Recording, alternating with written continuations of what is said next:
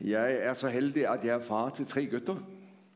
Men øh, jeg er en så gammel mand, at den yngste har passeret 50, så det er lidt pinligt. Ja, jeg er ikke akkurat ung længere. Men da den yngste, han var vældig mye yngre, end han er nu. Jeg tænker, han var 9 eller 10. Han øh, lå og skulle sove, og jeg skulle ind og bære aftenbøn med ham. Og han havde med sig en barnas bibelnøkkel. Så han øh, lå og læste i Bibelen, og jeg spurgte ham, hvad læser du? Nej da, sagde han, jeg læser Johannes åbenbaring. Åh, sagde jeg, forstår du nu af det? Åh ja, så han alt sammen. Så er du bare ung nok, så skønner du Johannes åbenbaring. Det bliver værre, når du bliver ældre. Og jo ældre du bliver, jo vanskeligere bliver det. Så endda er du i en heldig alder.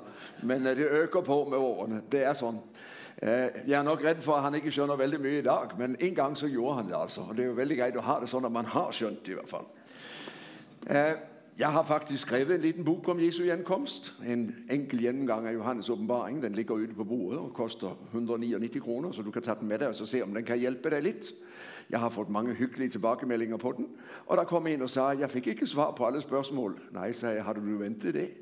Men øh, forventningen er forskellige.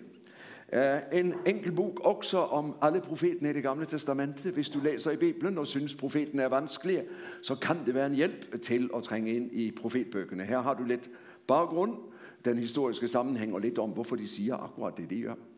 Og trænger du en liten andagsbog, eh, så er dette ret og slet 40 andagter skrevet over Efeserbrevet, så når du er færdig med at læse den, så har du samtidig læst hele Efeserbrevet.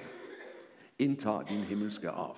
De ligger ute på bordet, du kan se på dem etterpå. Det var kveldens reklame, der kommer ikke mere. Reklamepauser er ikke noget så vældig, er det det? Vi øh, skal se, om vi kan få noget op her. Der kom det. I kveld er det ikke missionssalen, men det er blevet missionshuset. Jeg håber, du er opmuntret og trøstet. Jeg bommede aldeles i går. Jeg havde kaldt det missionssalen, så han stod her og gråt næsten. Det var rigtig ille. Jeg skjønte det. Eh, Jesus kommer igen. Det nye testamentet siger veldig tydeligt, at han som en gang kom, han kommer tilbage. Læser du Johannes åbenbaring kapitel 1, vers 7, så får du åbenbaringens tema. Og det tema lyder, se, han kommer med skyene, og alles øjne skal se ham. Ham, som de har gennemboet. Så det nye testamentet er veldig tydeligt på det, at Jesus kommer ikke bare en gang, han kommer to. Han kommer tilbage for at fuldføre det, han begyndte, da han var her første gang.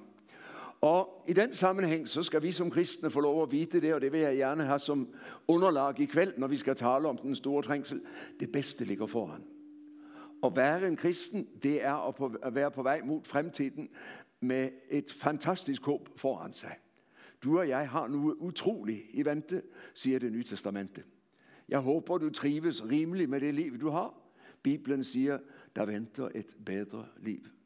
Og kanskje det ikke er den sang, du synger allermest i den alder, du er nå. Jeg længter hjem til himlens lyse saler. Men egentlig, så har du grund til det altså. For Bibelen siger, den dag, det bliver noget helt utroligt. Vi skal snakke sammen om det i morgen formiddag, når vi skal tale om den nye himmel og den nye jord. Så siger Bibelen på den anden side, vi har et utroligt håb, men vejen frem til realiseringen af det håb, den er trang. Eh, det koster at følge Jesus. Det står allerede i Markus evangelie kapitel 8. Jesus har akkurat sagt, at han er på vej til Jerusalem for at lide og dø og stå op den tredje dag. Og disciplene får chok. Og Peter kommer og siger til Jesus, drop det der. Vi orker ikke at høre om sånt. Eh, det behøver du ikke snakke mere om. Og Jesus giver ham den stærkeste verbale lys og lussing et menneske vel nogle gange har fået. For han siger til ham, vik bak mig, Satan. Du har ikke sans for det, som hører Gud til, bare for det, som hører mennesker til. Og i næste omgang, så siger Jesus til disciplene, om nogen vil følge mig, må han fornægte sig selv og tage sit kors op. Korset, det var torturredskab, det var henrettelsesredskab, og det vidste disciplene, for, romerne brugte det flittigt, og havde brugt det længe, før Jesus blev korsfæstet. Så de vidste, når Jesus talte om kors, så snakkede han om død og om øh, undergang. Og derfor, når han ikke bare taler om sit eget, men siger, at det er disciplenes vej også, så aner vi vel, at humøret ikke akkurat kommer på top i discipleflokken. Det at bære kors, det betyder at gå mod døden. Men, siger Jesus, Den, som mister sit liv for min skyld, han skal berge det. Den, som berger sit liv i denne verden, han skal miste det. Og så stiller Jesus alternativerne vældig klart op. Det står om liv eller død. Og den, som vil vinde livet, han må regne med at gå via døden. Der findes ikke andre veje til livet. Og det er det, disciplene må forstå, og som de ikke skønner i første omgang. Langsomt, langsomt går det op for dem. Den, som vil berge sit liv, den, som vil vinde uh, denne verden og være stor i denne verden og have sit gode i denne verden, han vil opleve, at han en dag står vældig fattig, når han står over for evigheden. Kanskje du husker lignelsen om den rike mand og Lazarus. Eh, Lazarus, han ligger ved den rike mands dør, og den rike mand, han bryr sig langsomt om ham. Og så fortæller Jesus, at de dør, og den rike mand, han kommer i pinested, mens Lazarus, han kommer i Abrahams fang. Og så beder den rike mand Abraham, send over Lazarus, og, så jeg kan få læsket tungen min. Send ham over med lidt vand, for her er en forfærdelig uh, pine. Og så siger Jesus til ham, du havde dit gode i dette liv.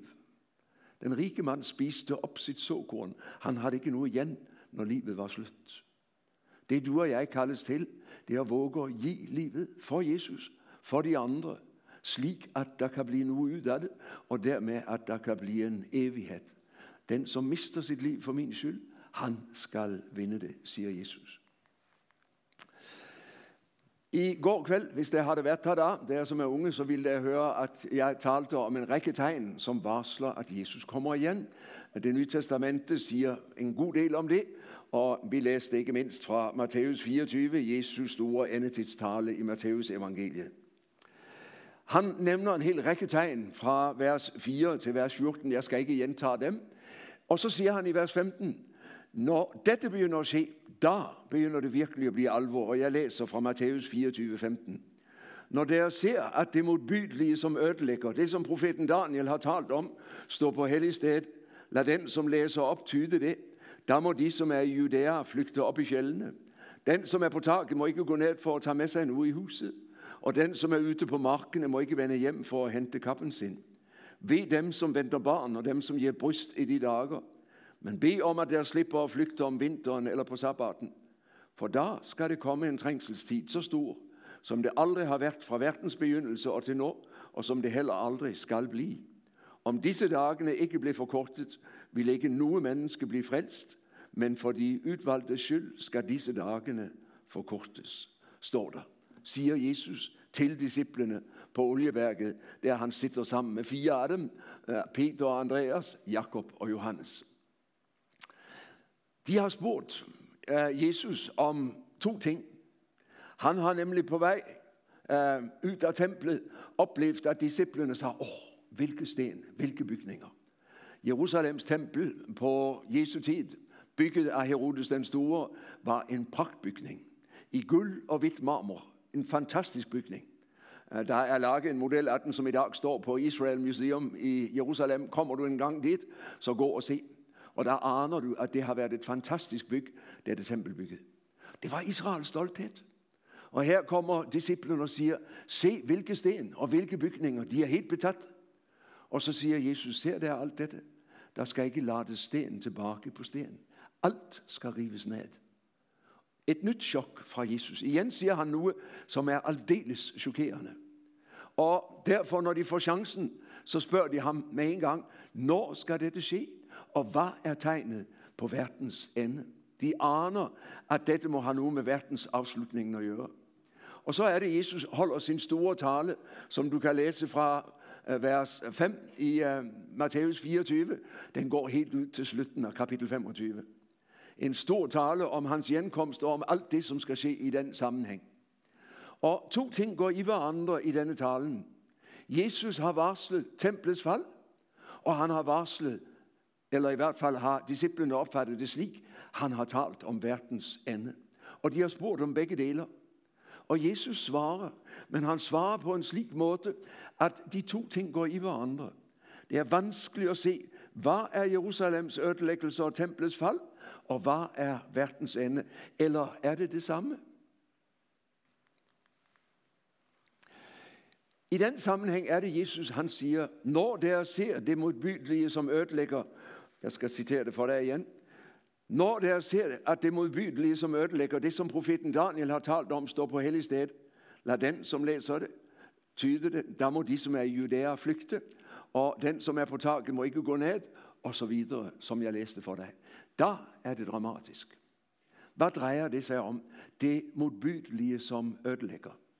Ja, nu har du ikke med dig Bibel, men havde du haft det, så skulle du have fået lov at slå op i Daniel 9 og Daniel 11. For Jesus citerer altså ret og slet profeten Daniel i kapitel 9, vers 27. Så taler han på denne måten. I en uke skal han startfeste en pakt med de mange. Efter en halv uke gjør han slut på slaktoffer og grødeoffer. På motbydelighetens vinger kommer han som ødelegger, Helt til utslettelsen som er fastsatt, strømmer ned over han selv. Og i kapitel 11, vers 31, så står det direkte. Nogle af hans herstyrker kommer og vanhelliger tempelbogen, afskaffer det daglige offret og stiller op det modbydelige som ødelægger. Hvad snakker Daniels bog om? Hvad er det, han hører? Og der er jeg nødt til at give dig en liten historielektion. Den skal ikke blive lang, men øh, for at forstå, hvad dette drejer sig om, så er du nødt til at have lidt baggrund. Og der går vi til 167 før Kristus. Israel er, er selvstændige eller bor i sit eget land. Nej, selvstændige er de ikke. De har været under persermagten. Så kommer Alexander den Store. Når han dør, så deles hans rige i fire. Og to af de delene slås om Israel. For øjeblikket er det Syria, som har the upper hand, som har overtaget, mens Egypt, Egypt er svagere. Det har været modsat. Og i Syria har de fået en konge, som hedder Antiochus den 4. Epiphanes. Epiphanes betyder Guds åbenbareren, han som åbenbarer Gud. Og Antiochus, han har taget mål af sig til at åbenbare den Gud, som han tror på. Det er ikke Israels Gud, det er den græske storguden Zeus. Antiochus er fanatisk optaget af hellenismen og af den hellenske gudstyrkelse. Og han ønsker at indføre den overalt der, hvor han har magt. Han indtager Israel og Jerusalem, og der er der mange, som tager imod ham, som lader ham få lov at have, som han vil, og som er parat til at tro på det, som øh, Antiochus han tror på. Og det fører til, at han rejser et alter for guden Zeus i templet i Jerusalem, i Herrens tempel. Det er uhørt. Det er Guds bespottelige, og det er vandhelligelse, og det er altså modbydeligheden, som ødelægger. I første omgang så ser det ud, som om Antiochus kan gøre næsten, som han vil. Og han tænker store tanker.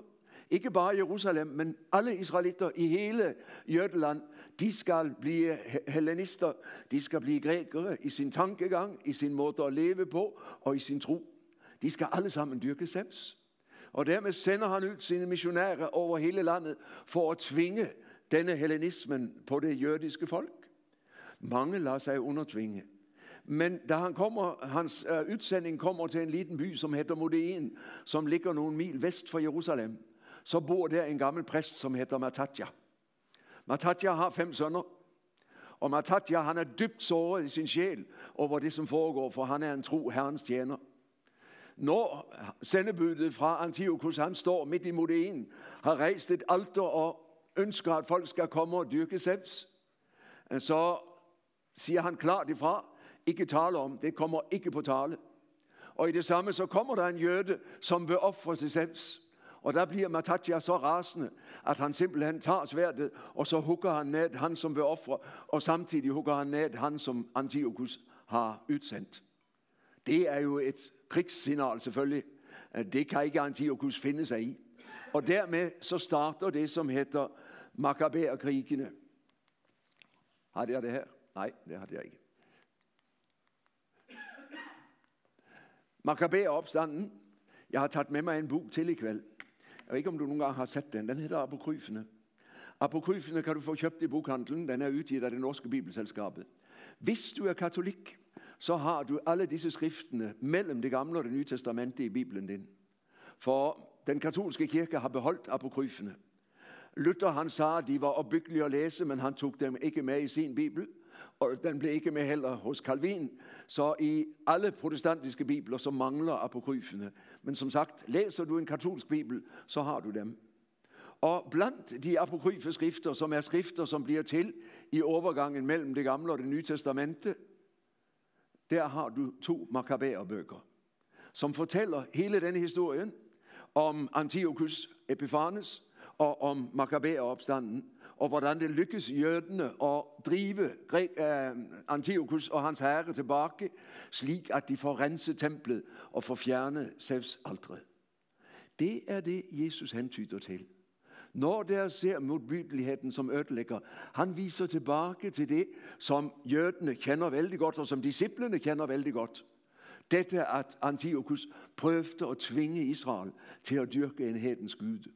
Og så siger han, dette skal gentage sig. I forbindelse med Jerusalems ødelæggelse og i forbindelse med verdens ende, så skal det gentage sig. Jeg har nævnt tempelvielsesfesten. Hvis du læser i Johannes 10, så vil du se, at efter at Jesus har talt om sig selv som porten ind til sauene, talt om sig selv som den gode jæteren, så står der i vers 21, det var tempelvielsesfest, og det var vinter. Det er et nyt afsnit, som begynder.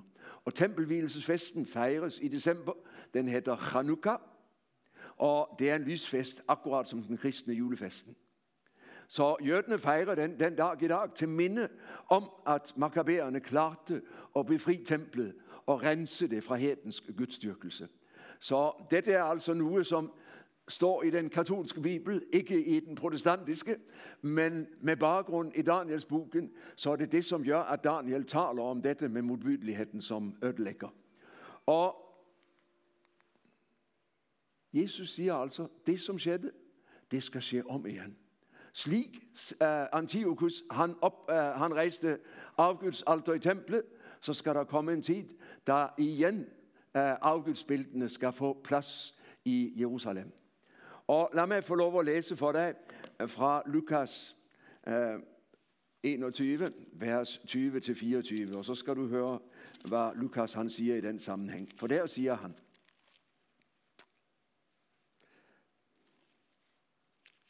det var Lukas 21, ja. Det er bedre at være der, du. Når der ser Jerusalem omringet af herre, der skal der vite, at byen snart bliver lagt øde. Der må de, som er i Judæa, flygte op i fjellene. De, som er i byen, må komme sig ud, og de, som er ude på landet, må ikke gå ind i byen. For straffens tid er kommet, da alt, som står skrevet, skal opfyldes. Ved dem, som venter barn, og dem, som giver bryst i de dager. For det skal blive stor nød i landet. Vreden skal ramme dette folket. De skal falde for svært og blive bortført til alle folkeslag som fanger. Og Jerusalem skal tråkkes under fod af hætninger, helt til hætningenes tider er til ende. Samme ord som hos Matthæus, men med et lidt andet indhold. Lukas følger ikke Matthæus. Han siger ikke, at der skal komme en vældig stor trængsel. Han siger, det er straffens tid. Og så siger han, når herre omringer Jerusalem. Når gør de det? I år 68 efter Kristus, så kommer romerne og omringer Jerusalem. Og i næste omgang, så indtager de byen, lægger templet øde, ødelægger byen, og det er vanskeligt at være jøde. Og det er helt tydeligt det, Lukas han henviser til i det, han skriver. Så det, som du møder i Matthæus 24 og i Lukas 21, taler altså om dette. Jesus varsler Jerusalems undergang og Jerusalems ødelæggelse og templets fald. Men samtidig så taler han om verdens ende. Og det er i den sammenhæng, at Jesus altså siger, der skal der blive en stor trængsel. En så stor trængsel, som det aldrig har været. Første gang i år 68-70, der oplever Israel og jødene den store trængsel. Går du nu til Johannes åbenbaring, som vi startede med, så er den skrevet 30 år senere, øh, 25 år senere i år 95. Og kristne bliver forfulgt i Romeriket. Og igen er der tale om en stor trængsel. Vi snakkede lidt om det i går, jeg skal ikke gentage alt det.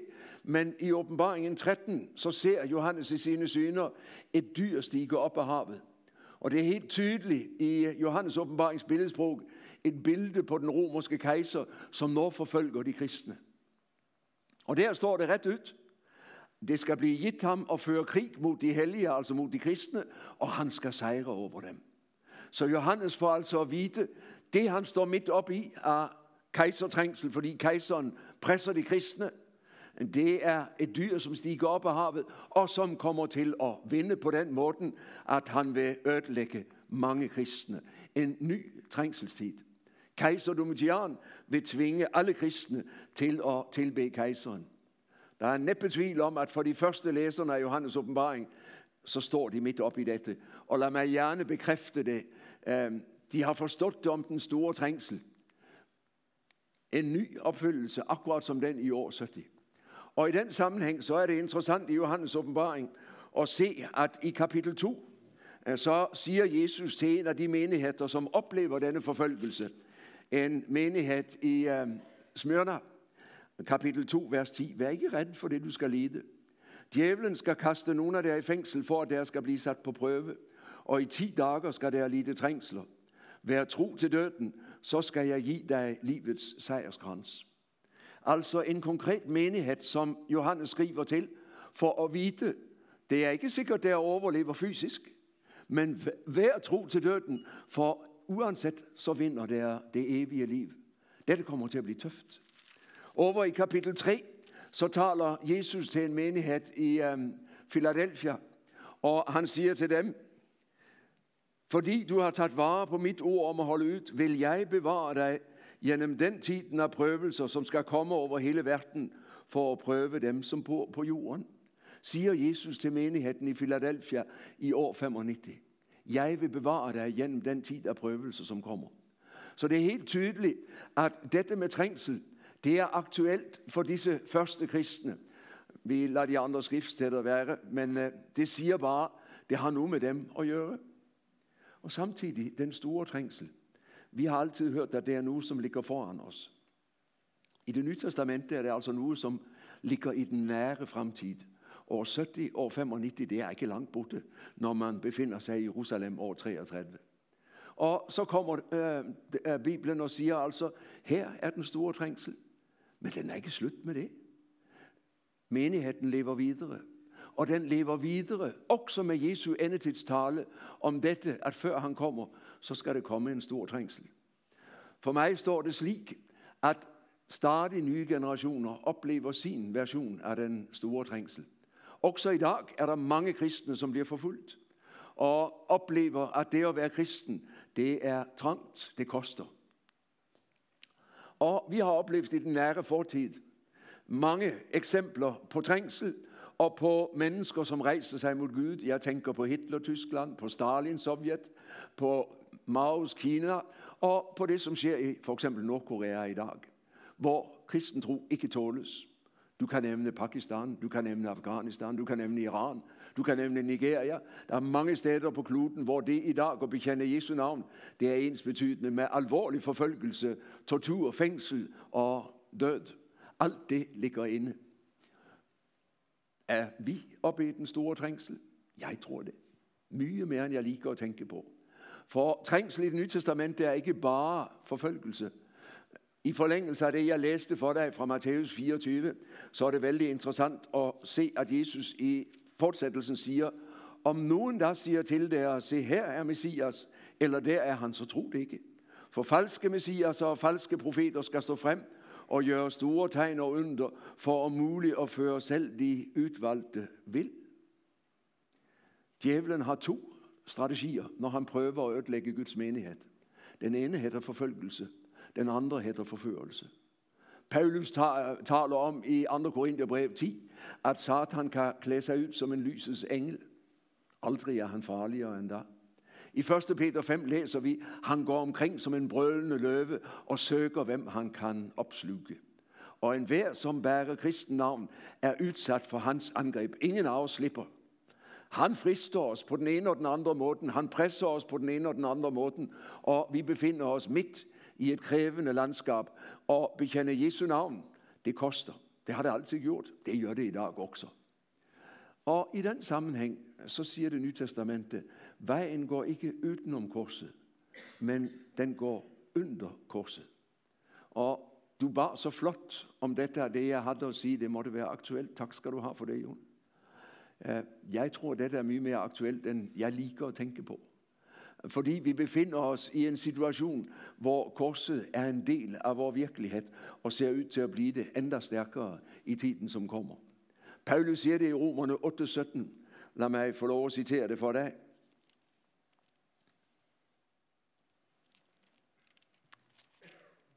Men vi, er vi barn, er vi også arvinger. Vi er Guds arvinger og Kristi medarvinger – så sandt vi lider med ham, så vi også skal få del i herligheden sammen med ham. At være en kristen uden at bære kors, det går ikke an. De gamle talte om det indre kors og om det ytre kors. Og lad mig bare ganske kort nævne det. Det indre kors, kampen mod synden i mit eget hjerte. Dette er, at Satan stadig frister mig, og at jeg stadig fristes til at gøre imod Guds vilje. Det er det indre kors. De gamle kaldte det for anfægtelse. Og ingen kristne slipper sin del af anfægtelsen. Alle vil vi opleve nu af dette undervejs. Kampen mod synden og mod djævlen i vores eget hjerte. Og det ydre kors, det ydre pres, vi møter, fordi vi bekender Jesu navn. Du møter mye af det i det nye testamente, for allerede de første kristne generationer oplevede dette. Læs 1. Peters brev, læs Johannes åbenbaring, og læs Jesu endetidstale, og så ser du, dette er ikke noget overraskende. Det er en del af det at være en kristen og bære korset. I øh, uh, Filipperne 1.29 siger Paulus noget mærkeligt. Han skriver til Filippermenigheden og siger, der blev det gitt ikke bare at tro, der fik den nåde ikke bare at tro på Jesu navn, men at lide for hans navns skyld. Et mærkeligt ord. Der fik den nåde ikke bare at tro på ham, men at lide for hans skyld. Og så siger altså Paulus, det er en ære at få lov at lide for Kristi skyld. Jeg er ikke sikker på, at det altid opleves sådan i øjeblikket. Men det er altså slik det nye testamente ser på det. Og i Kolosserne 1.24, så taler Paulus om sig selv og siger, jeg opfylder på mit eget lægeme det, som står igen af Kristi lidelser, til gangen for hans lægeme, som er kirken. Hvad er det, han snakker om? Han snakker om sine lidelser som apostel, for det koster dyrt for ham at være apostel. Men i den sammenhæng, så ser han, at det er til gangen for kirken, og derfor glæder jeg mig over dette, siger han. Så det nye testamente har med en dimension, som nok er blevet ganske fremmed for os i Norge, fordi vi har haft så gode kår, som nok kanskje kan blive mere aktuel i årene, som ligger foran, slik det ser ud. At være en kristen, og være en korsbærer. Det nye testamente siger ret ud, som Jesus fik sin langfredag, slik får menigheden også sin langfredag. Og følge Jesus, det er at være der, hvor han er. Han er i ledelse og på kors. Og det nye testamente siger, menigheden vil måtte følge ham, også i det, vi går gennem døden til livet. Når kristne i dag bliver forfulgt verden rundt, så er ikke det nu mærkeligt. Det stemmer med det, det nye testamente siger. For slik har Jesus lovet, at det skal være at være kristen. Og det er vældig interessant, hvis du læser åbenbaringen 7, om den store hvide flok, som står foran Guds trone. Jeg så en stor hvidklædt skare af alle folk stammer, etter og tungemål. Samlet foran Guds trone. Så kommer der en af de ældste fra Guds trone og spørger Johannes, som ser dette. Hvem er disse, og hvor kommer de fra? Og Johannes tør ikke svare, for han kunne komme til at sige fejl. Men dermed svarer den ældste, og han siger, at der er to ting, som kendetegner den store hvide flok. De kommer ud af den store trængsel, og de har tvættet sine kjortler og gjort dem hvide i lammets blod. Det sidste er typisk Johannes åbenbarings kodesprog, ikke sandt? De har tvættet sine kjortler i lammets blod. Hvad betyder det i klartekst? De har sat sin lid til Jesus og hans død på korset. Der ejer de syndernes forlatelse, og derfor har de de hvide kapper, ikke sandt? De er renset i Jesu blod at være en kristen og få lov at vide, jeg ejer syndenes forlatelse for Jesu Kristi skyld. Det er det ene. En hver kristen er et tilgivet menneske, et menneske, som lever i og af Guds nåde. Men læg mærke til, der er en ting til. Det er ikke bare de, som er tvættet i lammets blod, som udgør den store hvide skare. Den andre, øh, det andre kendetegnet, de kommer ud af den store trængsel. Og læg nu mærke til, hvad, hvad den ældste siger. Han siger ikke, de kommer udenom den store trængsel. Han siger ikke, de kommer over den store trængsel. Eller de kommer under den store trængsel. Han siger, de kommer ud af. Ud fra. Altså undervejs frem mod det at nå Guds trone og være hvidklædt for Guds, øh, det lagt i Guds herlighed, så har de måttet gå igennem trængslen, den store trængsel. Hvem er de? Det er hele den kristne menighed. For der var ingen, som ikke fik sin del af korset af anfægtelse, af udfordringer, fordi de bekendte Jesu navn. Dette at vælge sandheden, det er altid kostbart i en verden, som er domineret af løgnen. Og der vil du og jeg om igen og om igen stå i valget. Hvem skal jeg følge? Skal jeg følge løgneren, eller skal jeg følge ham, som er sandheden? Mange gange ser det ud, som om det er en fordel at følge løgneren. Men det er dødens vej, siger det nye testamente. Vælger du sandheden? Det kan koste jobben. Det kan koste venskab. Han er en god ven af mig. Han bor nede i Jylland. Han er danske. Han har kørt bus i mange år. Når han fortalte på øhm, opholdsrummet for alle buschaufførerne i Herning, at han gik på bedehuset, så vendte hele gjengen ryggen til ham, og så var han frosset ud. Det var ikke hyggeligt at komme på jobb. De så på ham med foragt, for den slags folk vil de helst ikke være i nærheden af. Mange har oplevet det på jobben, i en sammenhæng de stod. Mennesker, som vender dem ryggen, fordi de bekender Jesu navn. Og det har altså med dette at gøre med korset, ikke sandt? Ud af den store trængsel. Ingen når frem til Guds trone, uden at have oplevet sin del af trængsel for Jesu navns skyld. Så ved vi, at der aldrig har været så mye kristenforfølgelse nogen gang i verden, som det vi oplever i dag. I løbet af 2022-23, øh, så ser vi, at et stadig økende antal mennesker lever presset for sin tros skyld. Så langt har vi sluppet rimeligt i Europa og i Skandinavia, men vi ved, at vældig mange steder på jorden, så koster det dyrt at bekende Jesu navn. Og hvad skal vi kalde det, som vores trossøsken oplever, når de stiller sig frem i Jesu navn og risikerer livet? Når de tåler tortur og fængsel? Er ikke det den store trængsel? Jeg tror det. Jeg tror ikke, at den store trængsel er nu der fremme. Jeg tror, det er nu, vi lever midt op i, akkurat nu. Og du og jeg oplever nok ikke fysisk ledelse for Jesu navns skyld. Men vi står midt i et forførelseslandskab, hvor den under har vældig travlt med at presse ud de kristne og det kristne syn på livet. Tænk på hele samlivsspørgsmålet, hvordan det er sat på spidsen, og hvordan den dominerende ideologien i dag siger, det naturlige er, at man lever med hvem som helst. Det unaturlige er, at man lever med en.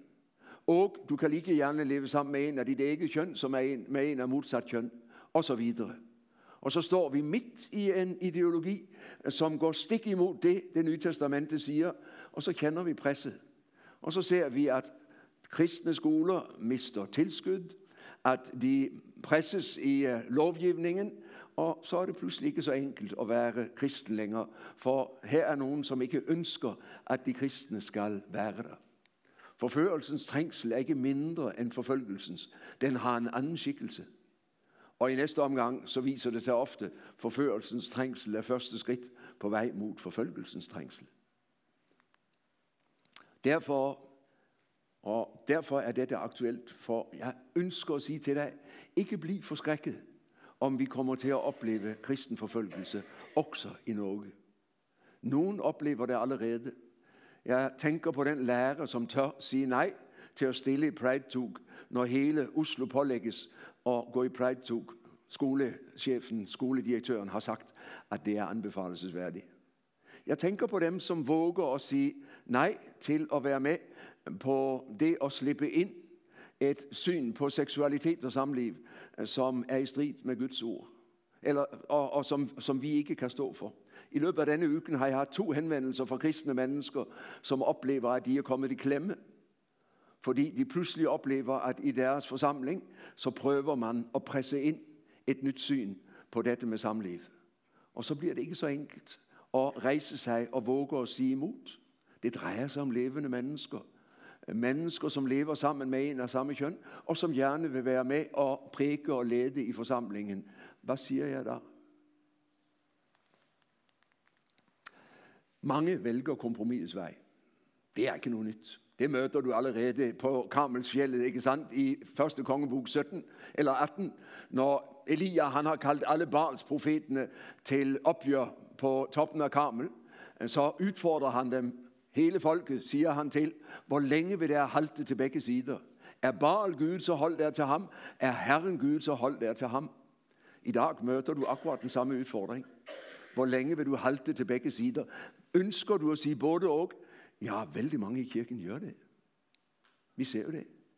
I den norske kirke har man accepteret, at der findes to syn på samliv, og siger, at det ene er likeværdigt med det andre.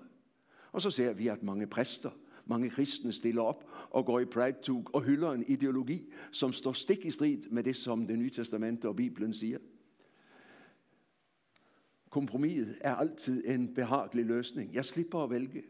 Jeg siger som Ole Brum, jeg tak begge deler. Og så oplever jeg på den måde, så undgår jeg korset, og så undgår jeg anstøttet. I øh, sendebrevene i Johannes åbenbaring, kapitel 2 og 3, så tales der om en gruppe, som hedder Nikolaitene. Vi møter dem i det første sendebrev til Efesos. Vi møter dem igen i brevet til Pergamon og i brevet til Thyatira. Hvad drejer det sig om? Ja, så langt sendebrevene taler om indhold i læren, så synes det at gå på dette. Man accepterer vanskeligt, at de kristne trækker sig tilbage fra afgudstyrkelsen, fra offermåltidene for afgudene, fra hår, for det har jo været sådan, de levede frem til de blev kristne. Og for mange af dem, så bliver dette vældig penibelt. For eksempel i Tyatira, så har man vældig mange laug. Er du en håndværker, en snækker, en maler, en øh, skrædder, eller hvad du er, øh, er du i et laug, øh, så er det en selvsagt ting, at du deltager på laugets samlinger. Og det er religiøse samlinger, hvor man dyrker den Gud, som er laugets Gud, med offermåltider og gerne med et udsvævende seksualliv. Og pludselig kommer de kristne og siger, dette kan ikke jeg være med til. Og der ser det ud til, at nikolaitene, det er folk, som siger, ja, der findes jo ingen afgyder. Der findes jo bare en levende Gud, ikke sandt? Og derfor kan det vel ikke være så farligt. Vi får hellere gå med og tåle det, og så ikke skille os ud. Og det er helt tydeligt, at Herren, han reagerer kraftigt og siger vældig stærkt ifra, om at dette er i strid med hans gode vilje. Kompromiset er ikke Herrens vej. Herren siger, enten mig eller mammon, Enten Gud eller djævlen. Du kan ikke vælge begge to. Her er du og jeg sat på valg. Vi har hørt det næsten til bevidstløs, øh, øh, bevidstløshed. Størst af alt er kærligheden. Ja, det er blevet slagord for vældig mye af den pride-bevægelse, som i dag herjer i landet vort. Øh, for det første er det et galt citat. Hvis man ønsker at citere 1. Korinther øh, 13, så står der, størst af dem af tro, håb og kærlighed er kærligheden. Og den kærlighed, der der er tale om, det er agape-kærligheden. Den kærlighed, som giver sig selv for de andre. Det har ikke noget med seksualitet eller seksuelt samliv at gøre. Det har med dette at gøre, at jeg tjener Jesus. Han er det store eksempel på den kærlighed, der her snakker om, når han dør på korset. Ikke sandt? Og i den sammenhæng, der er noget, som er større end kærligheden. Nemlig at følge Guds bud og lyde Jesus. Der, hvor jeg vil være en kristen, der er kærligheden ikke det største. Der er Jesus det vigtigste. Og det at følge ham, det betyder, at jeg må sige nej til det, som er i strid med hans vilje. Men dermed så er jeg på kollisionskurs med det, som i dag løftes op som det store ideal. Og så kan det blive tøft at blive førskolelærer eller lærer, og blive presset til at stå for noget, som du ikke ønsker at stå for. Så kan det blive tøft at være den, som siger fra, dette er jeg ikke enig i. Og opleve, at der kommer diverse øh, meldinger på sms, som fordømmer dig og fortæller dig, hvor forfærdelig du er. Det er ikke vældig hyggeligt, for at sige det sådan. Og derfor er vi indstillet på at tåle lidelse. Den store trængsel. Det handler ikke om et eller andet langt borte. Det handler om dig og mig nå. Og det handler om, om vi er indstillet på at gå i Jesu fodspor, også når det koster. Jeg synes, det er vældig gøy at være kristen, når solen skinner, når vinden er i ryggen, når vi er mange sammen, når vi har det gøy. Der er det vældig flot. Men at blive yglesat og blive sat utenfor og møte modstand, det er straks mindre behageligt. Og mye i ordet siger, ikke bliv forskrækket, hvis det er det, du kommer til at opleve for din tros skyld. Peter siger det på denne måde i 1. Peter 4. Lad mig få lov at citere det for dig. Jeg er snart færdig, så nu kan du begynde at sænke skuldrene. Mine kære, vær ikke forundret over den ildprøven, der må igennem, som om det hente der noget uventet. Glæd der jo mere der fordel i Kristi ledelser, så der også kan juble af glæde, når han åbenbarer sig i sin herlighed. Nej, jeg liker ikke det versene. Jeg må bare sige det. Jeg kender, at der er ubehag i mig, når jeg læser dem. Jeg læser dem en gang til, Mine kære, vær ikke forundret over den ildprøven, der må igennem, som om det hente der nu er uventet. Glæd der jo mere, der er fordel i Kristi lidelser. Wow.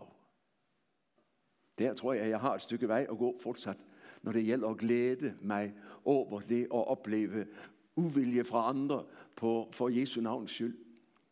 Der fandtes i Kina før 2. verdenskrig en evangelist. Han havde et kinesisk navn, men han kaldte sig Watchman Ni, vægter Ni. Og hans opgave var at vække de kinesiske kristne. Jeg har flere bøger af ham stående hjemme i bokhylden. Man eh, skrev ned hans forkyndelse, og den blev udgivet på engelsk efter krigen. En af de prægner, han holder, som jeg aldrig glemmer, og som jeg stadig har vendt tilbage til, den har overskriften Having a mind to suffer. Watchman Nee forudså, hvad som ville komme. Han ante kommunismens magtovertagelse, og han så, at for de kinesiske, eh, kinesiske kristne, så ville dette blive kostbart. Og derfor talte han på lederkonferencen til sine om dette, og har et sind, som er indstillet på lidelse. Vær klar over, at dette kommer, så jeg ikke undviker, så jeg ikke stikker af, men så jeg bliver også, når det koster. Han måtte selv i fængsel for Jesu navns skyld, når Mao overtog. Og han blev siddende i fængsel næsten frem til han døde. Så han betalte sin pris, Watchman Nee. Mange kinesiske kristne gjorde det samme sammen med ham. Nu ved vi, at det strammer sig til i Kina igen. I dag er igen Xi Jinping på krigsstigen, for han vil have total kontrol over alt, som sker i Kina. Og derfor presser han de kristne menigheder til at sætte op billeder af sig selv i kirkene. Presser dem til at læse tekster, som han vælger udenom Bibelen, og prøver på den måde at kontrollere dem. Og han er ikke den eneste. Vi ved mange steder, hvor kristne har det på den måde. Having a mind to suffer. Heldigvis. Guds ord siger, at der er sat en grænse. Nej, det er ikke djævlen, som har det sidste ord. Det er Jesus. Guds rike sejrer. Og du behøver ikke være bekymret for Guds kirke. Den går til triumf. Men den følger altså Jesus på hans lidelsesvej gennem død til opstandelse. Og du og jeg er en del af det. Og derfor trænger du og jeg at ruste os med tanke på dette. Det kan komme til at koste. Herre, giv mig mod til ikke at gøre som Peter, som fornægtet og som stak af, men til at blive stående, også og netop, når det koster. Så siger ordet vældig tydeligt, du og jeg får ikke kraften på forhånd. Vi får den, når vi trænger den. Og jeg er helt sikker på, kunne du snakke med mange af de kristne, som i dag oplever trængsel og ledelse for Jesu navns skyld, så vil de kunne fortælle dig, at i det øjeblik, ledelsen kom, så kom også kraften. Jeg øh, har bare lyst til at afslutte med at fortælle om øh, en ung jente fra Etiopia. Under kommunismens magtovertagelse på 1980-tallet, øh, så opdagede etioperne, de som havde magten, at hun var den aktive leder for den kristne ungdomsgruppen, som fandtes på det sted, eh, hvor hun bodde.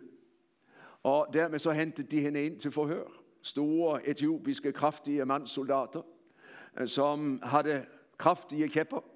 De bandt hendes hænder på ryggen, de bandt hendes eh, øh, fødder, og så hængte de hende med hovedet ned i en krog fra taket, og så tog de kæppene, og så begyndte de at slå. Det de orket. Og fortalte hun etterpå, der skete der noget mærkeligt. I samme øjeblik, som det første slaget kom, så blev der aldeles lyst i rummet. Og når jeg snyttede mig, så så jeg Jesus. Han stod der. Og jeg kendte ingen smerte. Hans herlighed fyldte rummet. Jeg så ikke noget andet. De slog hende så længe, at til sidst tog de hende ned bevidstløs og hævde hende ind i et fangehul. Hun blev løsladt efter en tid. En søndag tre måneder efter hun var kommet ud af fængslet, hun var blevet kraftig uh, mishandlet, så kraftig at hun var blevet invalid. Så satte hun på bakerste bænk i sin lokale kirke. Og under gudstjenesten kendte hun pludselig, at Guds kraft strømmede gennem kroppen. Og hun blev helt frisk. Gud kan. Og han har lovet at være med. Han har sagt, jeg slipper dig ikke. Jeg forlader dig ikke. Han har ikke lovet en let vej, men han har lovet, han er trofast hele vejen. Og derfor skal du tage det med dig. Vi er ikke lovet at komme frem, uden at det koster. Men vi er lovet, at han skal bære os. At han skal føre os igennem. Og Gud har sat en grænse. Og derfor, ja, det der lader vi ligge nu, for det snakkede vi om i går. Men derfor skal du og jeg få lov at vide, min tryghed det er, jeg hører Jesus til, og han har sagt, jeg slipper dig ikke.